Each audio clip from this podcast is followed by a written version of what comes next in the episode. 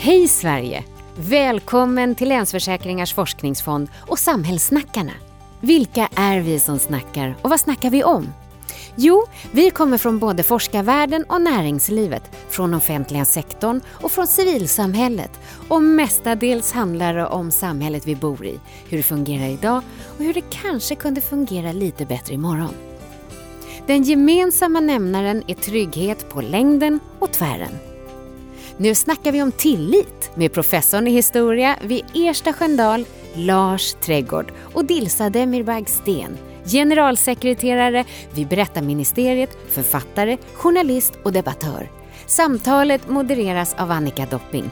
Varsågod Annika.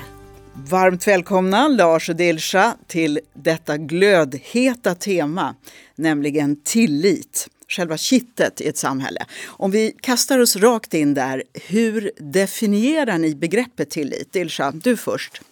Hmm. Jag tror att det är ett akt av mod faktiskt. Att våga riskera att bli både besviken och sårad eller att det inte går som man har tänkt. Och där i stort och smått, alltså tillit kan ju vara till eh, de första människorna man möter, vilket är familjen. Men det kan också vara till grannen, klasskamraterna. Och i takt att man växer upp så när man, världen växer utanför en, eh, grannarna men också samhället i stort. Eh, och tillit är också, finns ett flöde, tänker jag, det är en rörelse framåt att man ger innan det faller sig naturligt att man ger innan man vill ha något så att säga. Mm. Men du tänker att sårbarheten i att öppna sig är en viktig del av det här? Att, att vara utan rustning så att säga i, i sin tillit till någon. Spännande! Ja, lite så. Och du då Lars, vad tänker du? Hur definierar du tillit? Ja, som forskare så är lite orienterade kring de här typerna av frågor som vi ställer i den här tillitsbarometern. Ja. Eh, och, och, de här frågorna som, som man har framförallt har använt i tillitsforskning, det vill säga du har två svarsalternativ, du säger antingen litar du på människor i allmänhet eller så säger du du kan inte vara försiktig nog i umgänget med andra människor. Eh, det tror jag fångar ytterst också hur man ser på människans natur.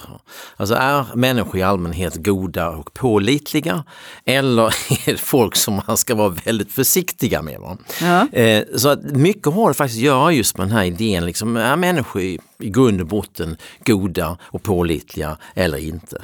Eh, så det, jag skulle lägga det till, sen tycker, håller jag med mycket om vad Disha också säger, va? men just den, den aspekten på synen på människans natur tror jag är väldigt viktig. Och om vi då går till den här tillitsbarometern, berätta Lars, vad, vad är det för någonting? Ja, det är en undersökning som vi har gjort nu i två omgångar. Först 2009 och nu igen 2017 där vi eh, velat fokusera på skillnader inom Sverige. Väldigt mycket tillitsforskning handlar om att jämföra olika länder och vi vet från början att Sverige är väldigt mycket av ett högtillitssamhälle. Eh, men vad vi inte hade lika mycket kunskap om och hur det såg ut i olika delar av Sverige mm. och även variation inom låt säga, en storstadskommun som, som Malmö. Så vi har velat förstå den här variationen bättre och sen givetvis se hur den, om den har några samband med, med andra eh, variabler som vi brukar säga. Det kan ju allting från ekonomiska skillnader till mångfaldsfaktorer i, relaterat till eh, migration till exempel och mycket, mycket annat. Eh, så det är huvudsakligen vad, vad, vad liksom, vårt mål har varit med den här tillitsbarometern. Åtta år emellan de här två undersökningarna då? Det kan både vara mycket och lite. Var det något som överraskade dig först Lars runt resultaten och skillnaderna? Ja, alltså, om vi tar de goda nyheterna först va, så tycker jag att eh, vad som ändå är väldigt imponerande och det här, det här är inte konstigt i sig va, men ändå att det finns en ganska stark stabilitet vad det gäller tilliten i Sverige. Eh, det är en enorm resurs för ett samhälle mm. eh, och trots att vi har gått igenom en period som har varit på många sätt svår Eh, så ser man ändå att det finns en slags fundamental styrka. Eh, eh, det är en, vad vi kan kalla för en seg struktur, det här med tillit. Det är något man ärver egentligen från barns ben. Mycket hänger på vad ens föräldrar säger till en när man är liten. Så det här är en resurs som man inte man förslösar sådär direkt. Samtidigt så ser vi också tecken på hur den här variationen består i Sverige. Att det finns en tendens att i många lokalsamhällen att till den här lokala sociala tilliten som man ser inom lokalsamhället håller på att gå ner. Vi ser en pessimism vad det gäller framtiden på olika sätt. Alltså man tror att tilliten är på väg ner mer än vad vi kan se. Eh, man har en pessimistisk syn på hur det ska gå för de som är unga i framtiden. Och vi ser också en tendens till just att unga har lägre tillit jämfört med unga tidigare. Och, och det där är, är oroväckande. Så det är en blandning ska jag säga av, av goda och dåliga nyheter ur ett tillitsperspektiv. Ja, det finns de som säger att man kan se hur ett land mår på hur väl det tar hand om sina barn. För det handlar ju verkligen om framtidstron. Vad tänker du Delsha, vad, vad har du slagits av för skillnader under de här åtta åren mellan tillitsbarometrarna? Ja, jag, det var fascinerande. Väldigt, det, alla bör läsa det för det första, för man, får en, man blir lite skakad tror jag, av resultatet. För jag var ju ganska övertygad om att tilliten hade sjunkit så väldigt mycket mer. Och insåg att det har den inte, utan att man skjuter det på andra, sin egen bristande tillit. Prejudicerar man på att det är alla andra som nog inte har det och det kommer nog gå inte bra. Och, nej, men själv tycker jag nog ganska gott om människan ungefär. Och då är frågan om vi säger så bara för att vi är så välartade, att så ska det vara, för vi speglar oss i andra. Eh, men också det här med hur lätt det är att det blir ett, själv, att det blir ett nästan psykotiskt klimat i ett samhälle. Om vi är tillräckligt många som säger att det går käpprätt så mm. kommer det att göra det. Ett samhälle är väldigt mycket psykologi. Så det skakade mig lite grann måste jag säga. Så det var, det var viktigt att läsa de bägge rapporterna, bland annat av den anledningen. Men den andra också hur viktigt det är att vi eh, tänker oss för vad vi signalerar till nästa generation. Mm. Så många är förstagångsväljare i ett ganska märkligt politiskt klimat. Eh, vad är det, hur rustar vi nästa generation att förhålla sig till främlingen framförallt? Eh, och det behöver ju inte vara migranter utan en främmande person som man inte har i sin första krets. Och som i förlängningen blir samhällskontraktet också. Vad sänder vi för signaler tidigt till våra barn? Eh, så jag fick många tankeställare skulle jag säga. Samhällskontrakt brukar vi tala om. Vad säger du Lars med forskardefinition? Vad har vi för samhällskontrakt i Sverige? Ja, jag är ju en av dem som kanske har skrivit väldigt mycket just om detta och försökt föra in det också i det mer offentliga samtalet. Och jag brukar säga att det svenska samhällskontraktet är eh, i grunden relativt enkelt. Det vill säga det utgår från att vi har eh, medborgare som arbetar, betalar sin skatt och förtjänar sina rättigheter. Eh, så det handlar väldigt mycket just om det här dubbla, att man har både plikter och rättigheter. Och det är någonting som vi alla har som, som medborgare. Eh, och det är på sitt sätt ett ganska strängt moraliskt kontrakt och har djupa rötter i den svenska folkrörelsetraditionen. Där just den här idén genom den skötsamma arbetaren mm. är liksom A och O. Och vi har en fråga i vår undersökning som är jätteintressant där vi ställer just frågan om vad, vad är viktigt för att du ska uppfatta en annan människa som pålitlig? Och det visar sig att det som får högst poäng är just att vara skötsam. Så det här är inte bara något gammalt ideal från du vet, det sena 1800-talet eller tidiga 1900-talet, utan det lever med oss väldigt mycket idag. Eh, och det där liksom är viktigt att komma ihåg för det är ett ideal som samtidigt vi kopplar till när vi har en annan fråga om vad är det för viktigt att vara svensk? Och då, då, hade vi med då alternativ som rörde både det här mer etniska, va? Eh, frågor om att vara född i Sverige och ha svenska föräldrar. Å andra sidan hade vi frågor som ställde mer liksom, det här med laglydigheten i mitten. Och det visade sig väldigt tydligt att, att det här med att följa svenska lagar och regler, det var, där var man benhård. Va? Det var liksom typ 95 procent. Medan det här med det etniska, att vara född i Sverige och vara svenska föräldrar och liknande, det var mycket, mycket mycket mindre viktigt. Va? Och det gör ju det, det finns en öppenhet va, i Sverige va, för så att säga, folk som kommer utifrån på olika sätt. Men det finns noll öppenhet va, vad det gäller opolitligheten.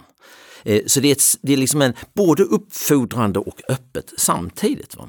Mm. och det tycker jag är en viktig lärdom. Va? Vi måste förstå det att det finns vissa spelregler i Sverige? Mm. Eh, som, som vi tar på stort allvar samtidigt som inte det liksom har direkt någonting att göra med din hudfärg eller var du var född eller var du kom ifrån. Men däremot liksom just det här med att knega och studera, göra rätt bilda, för sig. göra rätt för sig. Allt det här känns som det är väldigt aktuellt om man, om man ska ta våra resultat på allvar. Ja, men om man tittar också i era rapporter så är den, här, det är den senaste frågan också apropå vad definierar du en svensk? Och det är liksom att vara laglydig och det är att ha arbete mm. och tala svenska i den ordningen. Så så mycket för midsommarafton. Ja. Vilket är ju liksom det som ständigt kommer upp att Precis. du måste känna dig som svensk. Och vad är det? Och då kommer de här flummiga grejerna med mm. sillen och nubben och så. Och då visar det sig att det är ganska irrelevant. Men å andra sidan så kan man ju se att omedveten har ju arbetsmarknadsstrukturerna skapat mm. misstro genom att, inte kunna, att folk inte omedelbart kan börja jobba. Alltså det, det, mm, om man det. ser det ur det perspektivet så behöver man inte integrera folk att alla behöver fira midsommar för att ta det som ett exempel, eller julafton. Där är ju gemene svensken som jobbar, om vi definierar svensken utifrån arbetande svensken, är ganska ointresserad och väldigt sekulär också. Att ja, jo, du får väl göra lite som du vill, men du ska vara laglydig och du ska arbeta. Och sen är det bra om du pratar svenska, vilket make sense kommunikativt. Så det finns ju liksom ganska bra och neutralt sociala och icke-etniska eller för all del kulturella också i den bemärkelsen om vi pratar utifrån religiösa aspekter. Jag tror det är jätteviktigt som, som Disha säger nu, jag håller helt med om detta. Eh, och där, där kommer ju då en, ett problem som ju vi är mitt i i Sverige idag. Det vill säga att vi hade under väldigt lång tid, va, på 40, 50, 60, in på 70-talet så hade vi ju en väldigt nära koppling mellan arbetsmarknadspolitik och invandring. Och det betyder att de som kom under de omständigheterna kom in på arbetsmarknaden direkt. Va? Det var också en tid där det var ett stort sug efter arbetskraft. Sen har vi då kommit in efter oljekrisen, så kom vi in i en period när man inte längre ville göra detta. Det var nu känslan av att nej, det finns inte så många jobb, vi stänger dörren, vi, vi vill inte ha fler som kommer hit som är arbetskraftsinvandrare. Och sen börjar man så smått börja då med vad vi kallar för den humanitära flyktingpolitiken. Mm. Eh, och den kan vi ju säga på många sätt att vi tycker är väldigt fin. Att det är liksom ett, vet, Sverige som en moralisk stormakt och allt detta eh, som vi kan applådera. Men samtidigt va, så har du då särkopplat va, invandringspolitik från arbetsmarknadspolitik. Och då kommer vissa problem som brev på posten. Och det är lite grann där vi befinner oss idag. Eh, så vi har liksom en, en otakt va, mellan arbetsmarknaden arbetsmarknadspolitik å ena sidan och den, den invandringspolitik som vi haft. Och som jag säger, det här är komplext. Vi, vi, kan säga, vi kan säga men vi vill ha en viss humanitär eh, flyktinginvandring. För det är viktigt för oss för att vara liksom en, ett bra land. Men samtidigt måste vi då också förstå att då kommer det dyka upp problem som är väldigt annorlunda från de vi hade när vi fokuserade på arbetskraftsinvandring. Mm. Eh, och det där tror jag är någonting som vi börjar, liksom, vi börjar nyktra till lite grann kring detta nu.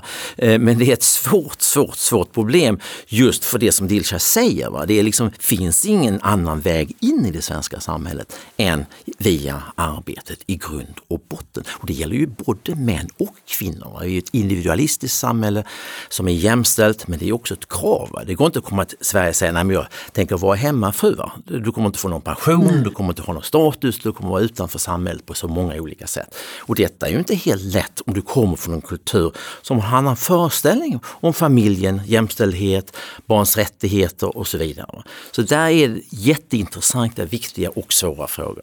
En annan aspekt som jag tänker på när det gäller arbete bortom huruvida man, man uppfattas och känner sig som svensk inte. Det är också att det är en helt naturlig integrationsplattform. Alltså att möta människor utanför den första kretsen. Och om man är hemmafru liksom på Östermalm eller i Rinkeby så blir du relativt isolerad för att ta som ett exempel. Mm. Så att, eller, eller man och går och drar på torget ungefär. Men att komma ut på en arbetsplats och tvingas möta någonting som inte är, är vedertaget i din värld. Förhålla sig till det. Det är klart att det, förr eller senare händer det. Det händer för vissa snabbare men andra lite långsammare. Men det kommer vara en rörelse framåt än om du är isolerad.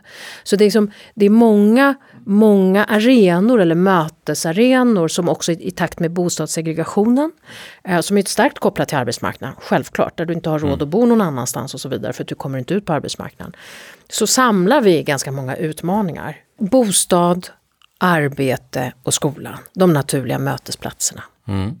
Och jag, jag, tror det här är väldigt viktigt för att vi, vi har ju försökt titta på när vi, när vi studerat just så här, vad är det för samband låt säga, mellan mångfald och eh, tillit. Va? Och så har man då tittat på eh, olika sätt att se på det positivt. Va? Alltså inte bara liksom se det här som ett automatiskt problem. Va? Det mm. finns vissa resultat som tyder på det men en teori då tar det här positiva i vad man kallar för kontaktteori. Mm -hmm. Det vill säga, har man mer kontakt till exempel med grannar, eh, då tenderar man också att ha mer tillit. Va? Så liksom det här mötet är då väldigt viktigt. Men så visar sig också den här forskningen att det, det inte, räcker inte bara liksom att kasta in folk i ett rum och hoppas på att det ska bli bra. Utan det är väldigt viktigt att man har ett gemensamt projekt. Och det här kommer från forskning kring vad som händer när man har svarta och vita i amerikanska militärenheter. Va? För då, då, försöker de ju överleva tillsammans va? och då är ganska snart så upptäcker man att det är ganska ointressant om man är svart eller vit. Va? Mm. Och det är likadant med en arbetsplats. Va? Alltså kommer du in på en arbetsplats, va? Du, ska, du ska lösa ett problem, du ska bygga en produkt, du ska ha en service du sköter. Ja, efter ett tag så inser du att vi är ett team. Va? Mm. Vi försöker lösa problem tillsammans. Och då skapar man också den här överbryggningen överbryggande formen av tillit. Så det är viktigt att förstå, vi måste skapa mötesplatser men samtidigt måste det vara projektrelaterade möten. Det kan inte bara vara möten i största allmänhet, för då kan det bli rena revirstrider som vi ju ser i en del förorter med olika gängbildningar till exempel. Och då blir den här mångfalden negativ. Mm. Då bör man få konflikter istället. Så att, då åter vi tillbaks på arbetet. Jag håller helt med Dilsa här, det är oerhört viktigt. Och där finns det ju en aspekt till med självtilliten. Jag tänker igen då på de som, inte minst män, som har haft hela sin identitet, värdighet, stolthet i att vara familjeförsörjare och som då inte får den möjligheten här. Det är ju fruktansvärt farligt med och som i sin tur då väcker, väcker bristande tillit från omvärlden, både den inre egna och utifrån. Så arbete är verkligen nyckeln. Även om vi råkar ha det som en dygd i Sverige mer än i andra länder så är det också en väldig möjlighet till det. Mm. Det är speciellt, alltså, om vi ska vända lite grann på det var, så kan man säga så här att hade vi i Sverige haft en lite mindre så här, arbetsfixerad och min, lite mindre individualistisk, lite mindre jämställd kultur så hade man kunnat tänka sig att det fanns liksom andra möjligheter för integration. Va? Eh, I så att säga, de här gemenskaperna från familjen och utåt. Va? Eh, och, och, det gör att vi i Sverige är lite mer sårbara. Va? Vi är ett högtillitssamhälle eh, som har ett samhällskontrakt som också är sårbart just för att det bygger på den här liksom tilltron till staten, tilltron till arbetet, till tillgången till de, alla de här resurserna, både sociala och ekonomiska, som är kopplade till arbetet. Eh, så, så det är också det är en styrka för Sverige men det är också en sårbarhet. Eh, mm. Och det är lite grann det tror jag som vi också lever i nu för ögonblicket. Det som Dilsa betonar att lagen är en som väldigt praktisk minsta gemensamma nämnare där det inte behöver vara någon värdering utan det är den. Sen be behöver den förnyas och moderniseras ibland och är inte kanske anpassad. Men att, att vi kanske inte ens har varit tydliga med det. Att vi har ett rättesnöre. Nej men vi är tydliga i alla andra sammanhang utom i vissa sammanhang. Mm. Alltså annars vi, det ju, lär vi alla våra barn att lagen, den sätter man sig inte över. Och tycker vi att det är fel på lagen, ja då finns det lagar om hur vi ändrar det också. alltså det är den demokratiska processen. Det kliver inte in en diktator och ändrar från dag ett. Och det är ju det där för att säkra så att säga demokratin. Men det, det, de här aspekterna apropå, uh, nu går vi över till brottsstatistik och så vidare, det är också ganska viktigt att komma ihåg att när människor begår brott, om de kommer ifrån Somalia, så är det sällan för att de kommer från Somalia de begår brott, utan det är oftast lågutbildade fattiga människor. Och den alltså klassdimensionen och att underklass har inte mer brottsbenägna för att de föds per se, där är det miljö och arvfråga som kommer in. Uh, och det är bara att titta på hur det ser ut i respektive länder till exempel. Um, så att, jag menar, Ja, vissa saker kan förklaras med kultur, till exempel. Jag skulle säga att heders, hedersproblematiken är def definitivt kulturellt betingat. Eh, och kan härledas till det oavsett eh, föräldrarnas socioekonomiska bakgrund och kön också. Medan vissa, eh, jag menar rån, droger är oftast knutet till en socioekonomisk bakgrund oavsett var man kommer ifrån. För vi, det är inte så att vi inte har blonda knarkare eller, eller eh, förövare och så vidare. Så att, jag menar, skilja även på dem, de sociala aspekterna och vad som är kulturella och mm. vad som är ja, socioekonomiska och så vidare. Ja, och det här, alltså vi ser ju det här också väldigt tydligt i tillitsforskning också. Om vi, när vi vill titta liksom på vad, vad är det som har samband med så att säga, lägre tillit så är det ju väldigt tydligt att, att eh, hög tillit är kopplad till mer jämlikhet eh, socioekonomiskt, va? Eh, jämställdhet, eh, utbildning, ekonomisk inkomst. Va? Så att eh, Richard har ju helt rätt, va? det är liksom en helt paket och faktorer. Va? Eh, vilket ju liksom innebär att, eh, som vi sa tidigare vad det gäller här synen på eh, vad det är att vara svensk och så vidare. Det är liksom inte speciellt intimt kopplat va, till eh, annorlundahet va, i den här bemärkelsen utan det är mycket mer eh, så att säga, huruvida du följer lagen, du är pålitlig, du betalar din skatt, va, du jobbar och så vidare. Va. Och då, då med det följer ju sen så att säga, också de andra effekterna, att du då, då liksom inte, du, du är inte utsatt längre ekonomiskt. Va. Du kan välja var du bor och du, ja, alla de här sakerna hänger väldigt intimt ihop. Och det, det är liksom, jag håller ju med att det är väldigt olyckligt om man så säga, bara fokuserar på en aspekt va, av detta. Då. Låt oss säga frågor som rör kultur eller etnicitet. Mm. För då missar man så att säga, de här andra eh, aspekterna som är, som är kanske mer viktiga. Va. Eh, jag, tror, jag tror det är mer avgörande just huruvida man kommer in i arbetslivet än var man kommer ifrån.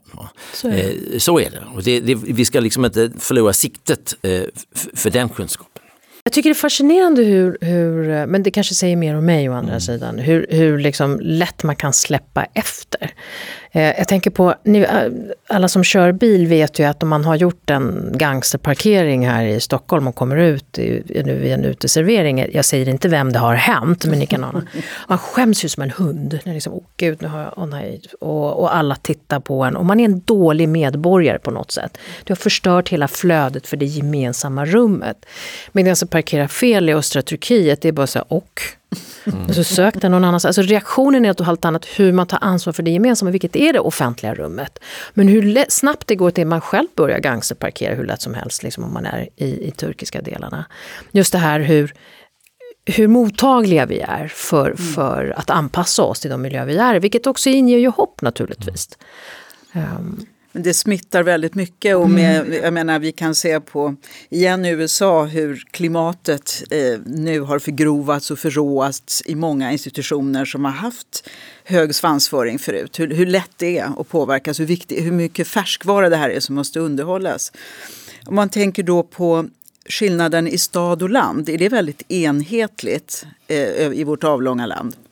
Alltså, du är inne på polariseringsfrågorna som är oerhört viktiga. Va? USA idag är ett, ett genuint och tragiskt polariserat land. Mm. Eh, på ett sätt som inte det var när jag kom dit på 70-talet, även om det fanns mycket sådana tendenser då också. Det var ju liksom medborgarrättsrörelsen och frågorna som rör vad gäller relationen svarta och vita, det, det, har ju varit en konstant i USA kan man säga.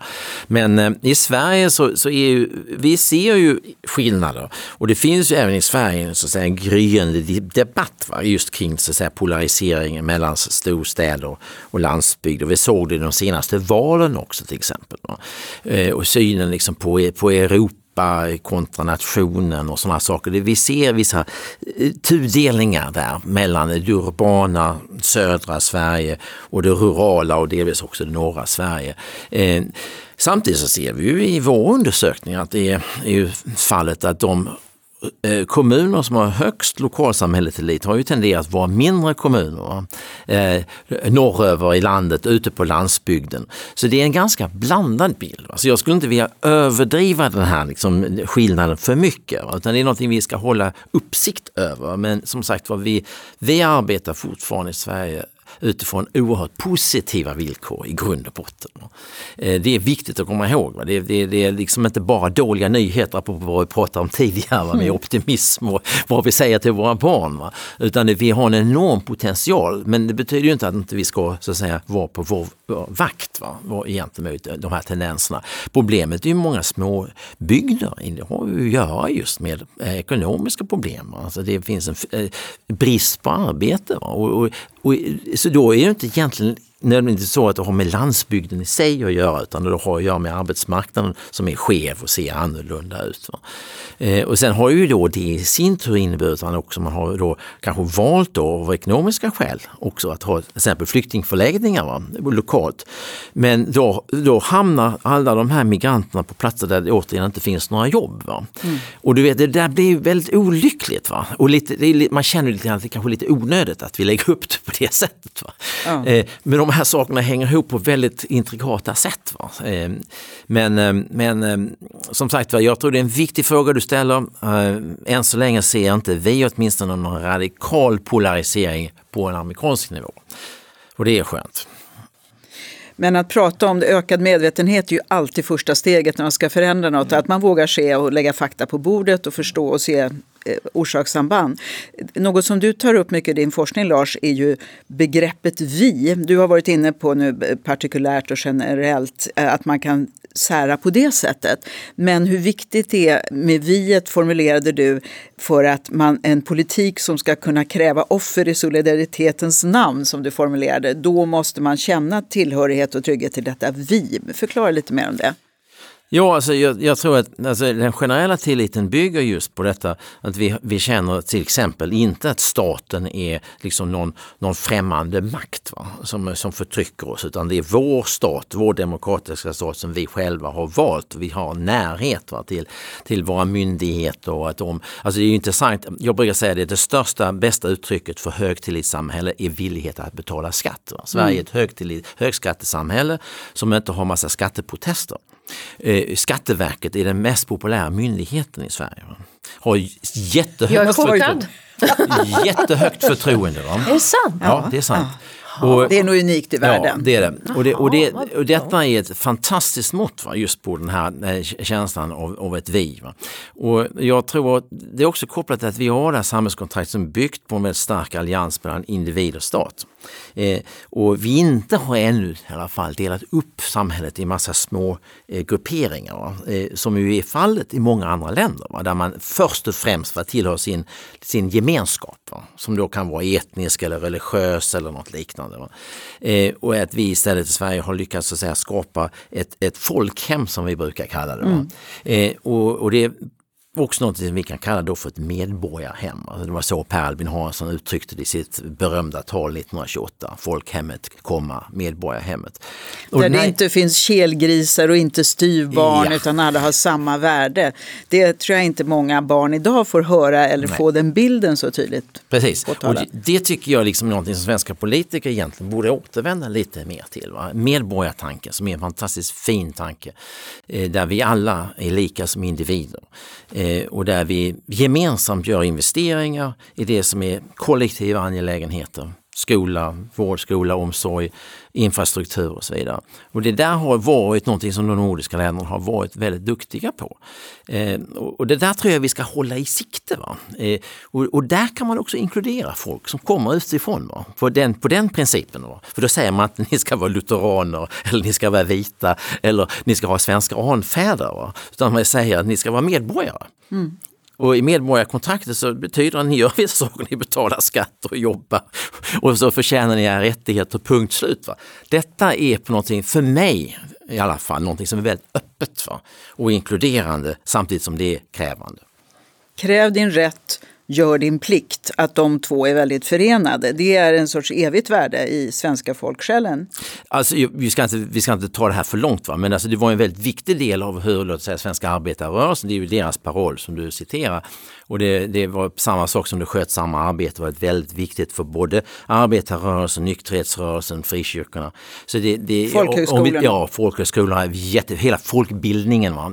Så jag, om det, vi ska kalla det för folksjäl, där får vi kanske vara lite försiktiga. Men, det blir lite sakralt här ja, känner jag. Precis, men det blir lite religiösa av oss här. Men, men, men att det är, en, det är en väldigt viktig del av vårt historiska arv, det tror jag lugnt vi kan, kan säga. Och, och jag tror det har fortfarande enorm potential.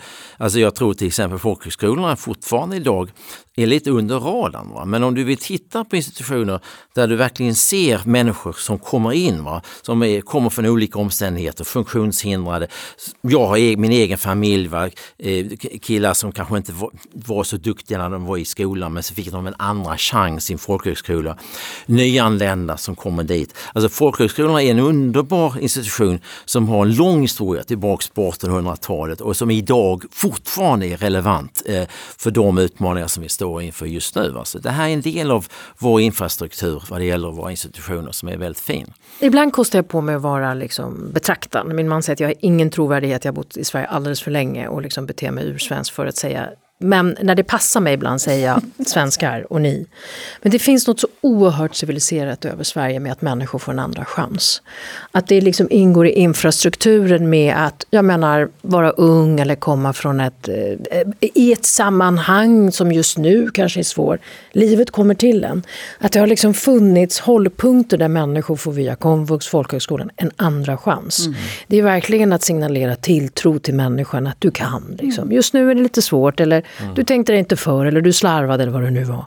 Men du får en andra chans. Och en annan sak det som jag tycker är jättespännande och blir alltid lite rörd när jag ser, och min man skakar på huvudet, för hans dröm om Frankrike och Italien som härliga länder är så mycket starkare. Det är att gå till en svensk strand, så finns det en kiosk som säljer glass. Alla har med sig sin liksom, handduk och ligger där i sanden och är skit ursäkta ordvalet, jätteglad att solen skiner överhuvudtaget. Och så försöker man liksom lite samsas. Och min man tycker att det är ju så trevligt i Frankrike och Italien där liksom, om man ska smälla på stort lägger man sig ner någonstans där någon tar hand om allt runt omkring och du kan beställa din espresso och kanske rent av ett glas vin och så här. Då säger jag, ah, absolut, om du kan betala. Det här är allemansrätten. Kiosken är till för alla. Alla får ta sin handduk och ligga här. Det är inte bara de som kan betala bädden och så vidare. Det är civilisation. Och det är hur man ser på det hela. Liksom. Så jag kommer ju från ett land där man betalar för allt. Den som har lever ett fantastiskt liv. Men vad händer med de som inte har? Så intressant i det perspektivet med varifrån kommer jag, hur blir jag betraktad i Sverige, med vilka måttstockar, vad är framgång och inte? Och egentligen handlar det ändå väldigt mycket om identitet, självbild och tillhörighet. För det är ju en jätteviktig belonging, som är ett väldigt vackert ord tycker jag på, på engelska. Att känna den tillhörigheten. För vi eh, har talat om vi, att känna ett vi, att det är en sorts dynamisk och aktivt arbete med att skapa vi. Mm.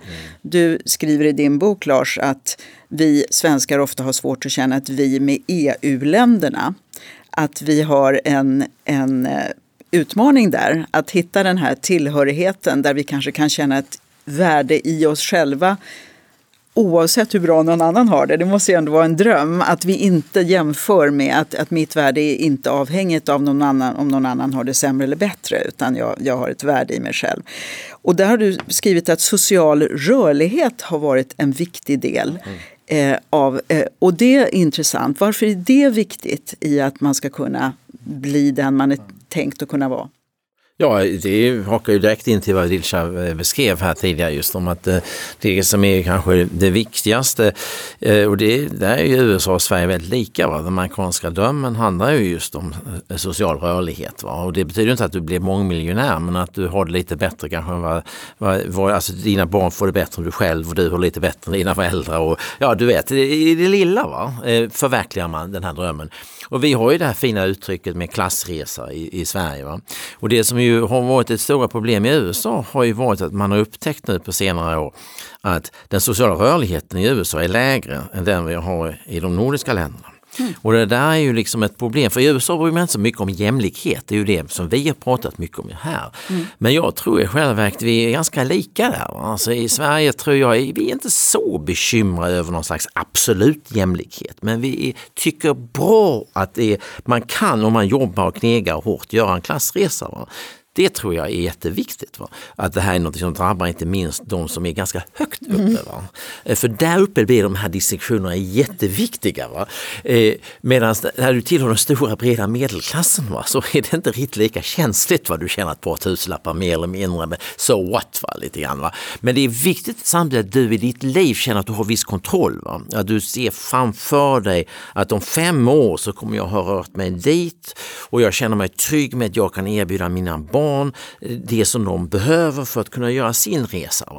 Eh, så jag tror social rörlighet är oerhört viktig och väldigt central. Jag tror ibland vi har missuppfattat lite grann i Sverige att vi har, vi har liksom fått för oss att vi skulle vara liksom trygghetsnarkomaner och jämlikhetsfantaster. Liksom, Men vi är i själva verket mycket mer egentligen amerikanska på det här sättet. Vi vill också så att säga, göra våra resor, ha våra möjligheter, erkänna också när andra gör väldigt fina prestationer personer. Va?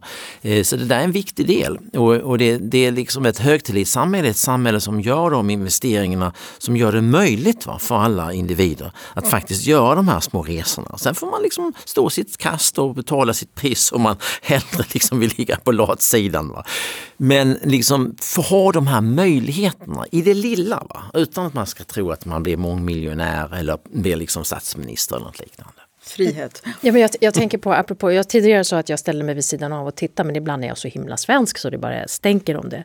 Och det är, vi, vi, har, vi har, jag tror inte vi i Sverige har liksom allt för stora problem med att folk gör sig en förmögenhet. Vi är glada för deras skull. Så länge de inte har fasoner för sig. Mm. Och där kommer jag på att där är jag mer svensk än min man igen. Liksom det här med, jag kommer på mig att muttra om att folk kunde uppföra sig förr. De behövde liksom inte trycka upp i ansiktet att de var rika. Liksom. Men nu minsann kan folk inte uppföra sig. Nu börjar det vräkigt och allt möjligt. Så bara, var kommer det ifrån? Låt oss som en svensk på 50-talet. Liksom. Men jag tror att det har mer att göra med, med, jag tycker också att det är civiliserat. Liksom att man tar hänsyn till sin omgivning. Folk, att veta att man är privilegierad och vi tycker att det är kul, liksom jag säger vi men, men eh, det tycker jag nog att, man, att jag vågar säga å era vägnar också. Men det är ju det där med hänsynstagandet hela tiden. Att sitta bredvid en... Alltså I Sverige tycker vi fortfarande inte det är okej att, att en då, 12-åring sitter med en outfit värd en hel månadslön för en undersköterska. Det är ju någonstans det där samhällskontraktet att vi tillhör tillsammans och tar hänsyn till varandra. Det är ju också svenskt, det här med att men, vi är överens om vissa kodex som gäller och, och det som signalerna som det ska sända egentligen är att vi bryr oss om varandra. Sen kan man tycka att det är fel, men det är ändå det som är avsikten med de här signalerna. Och mm. där är Sverige ganska unikt skulle jag säga och det är ju den höga demokratisering och jämlikhetstanken. Man kan ju mm. tycka att det är baksidor också, har baksidor, men jag tycker också att det finns något civiliserat över det. Ja, alltså man kan ju ta ett sådant litet exempel, Kamprad liksom, dog ja. ju precis. Va? Men, eh, och han är ju en komplex figur som vi alla vet med hans liksom, liksom fascistiska eh, förflutna och allt detta. Va? Men ett skäl till att många ändå förlåter honom på något sätt va? är ju att han liksom var en snål jävla smålänning. som vi alla andra. Som, liksom. som, som, och som faktiskt inte höll på för mycket va? med conspicuous consumption, även om han hade väl några villor i Schweiz och sådär. Men, men i det stora hela va? så liksom hans framtoning var ändå att premiera de här klassiska värderingarna, att du ska jobba och spara ungefär. Va? Men då blir det en tyst överenskommelse mellan ja. oss och honom, ja. nämligen det är okej, okay, vi förstår, vi är liksom ja. inte helt Kalle bakom. Ja. Men du värnar det som är större än oss allihopa, det Nej. som vi har tillsammans. Det är ju det. Ja.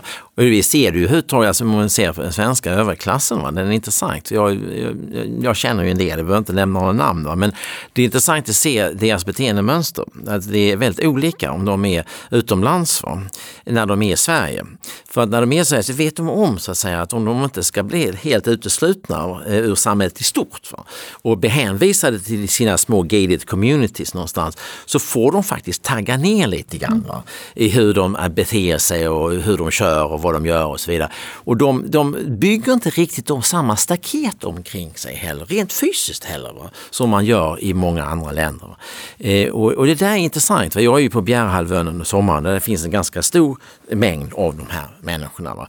Och, och, och de, de beter sig faktiskt synbart annorlunda från min erfarenhet av dem i England eller i USA till exempel. och, och, det har göra med vad Dilsa är inne på. Va? Så jag tror det är, en, det är en väldigt viktig del och det är väldigt viktigt för förtroende och tillit. Va? För då säger vi att ja, vi tycker det är viktigt att vi har sådana här entreprenörer i vårt samhälle. Vem, vem tycker det är en dum idé att ha Wallenberg eller ha liksom, eh, de här väldigt kreativa krafterna som skapar arbete och gör möjligheter innovativa. Så det, det tror jag, där har inte folk så stora problem och är kanske inte så avundsjuka heller. Va? Men skulle de börja bete sig på det här sättet som Dilsa är inne på, va? då skulle vi liksom plötsligt säga nej, men nej. Avslutningsvis, ehm, vilka tänkbara spår ser du från här och framåt?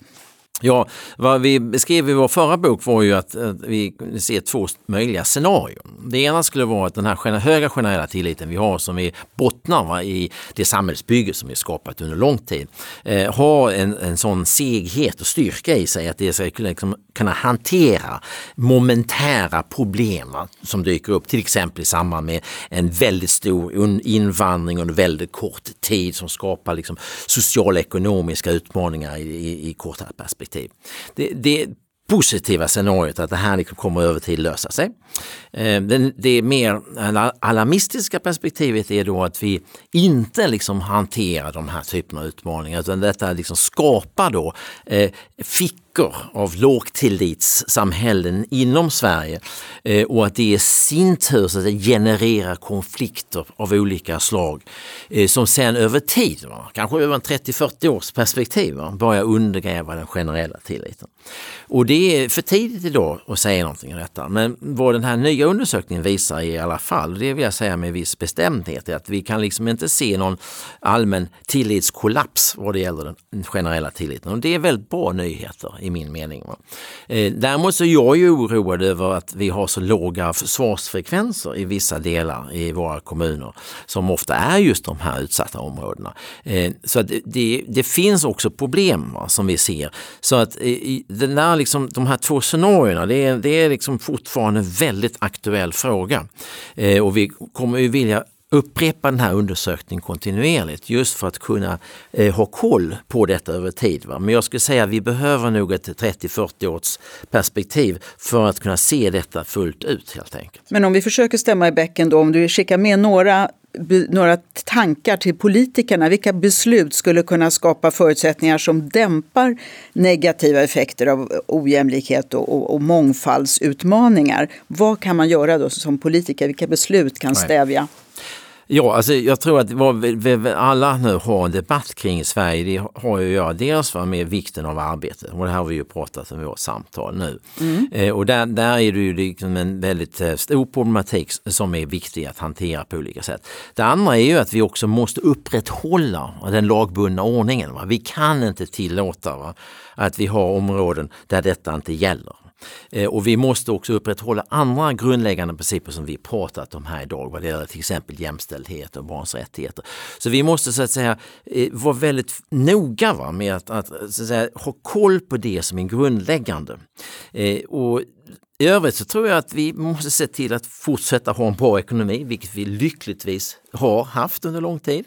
Eh, vi måste nog också se över vår politik vad det gäller migration. Jag, jag skulle föreslå att man har en, liksom en starkare koppling mellan migration och arbetsmarknad. Alltså, kanske inte en full återgång till vad vi hade på 40, 50, 60-talet, men en bättre balans helt enkelt. Eh, för det tror jag skulle, alla skulle tjäna på detta, även eh, de som är, kommer hit som migranter eller invandrare.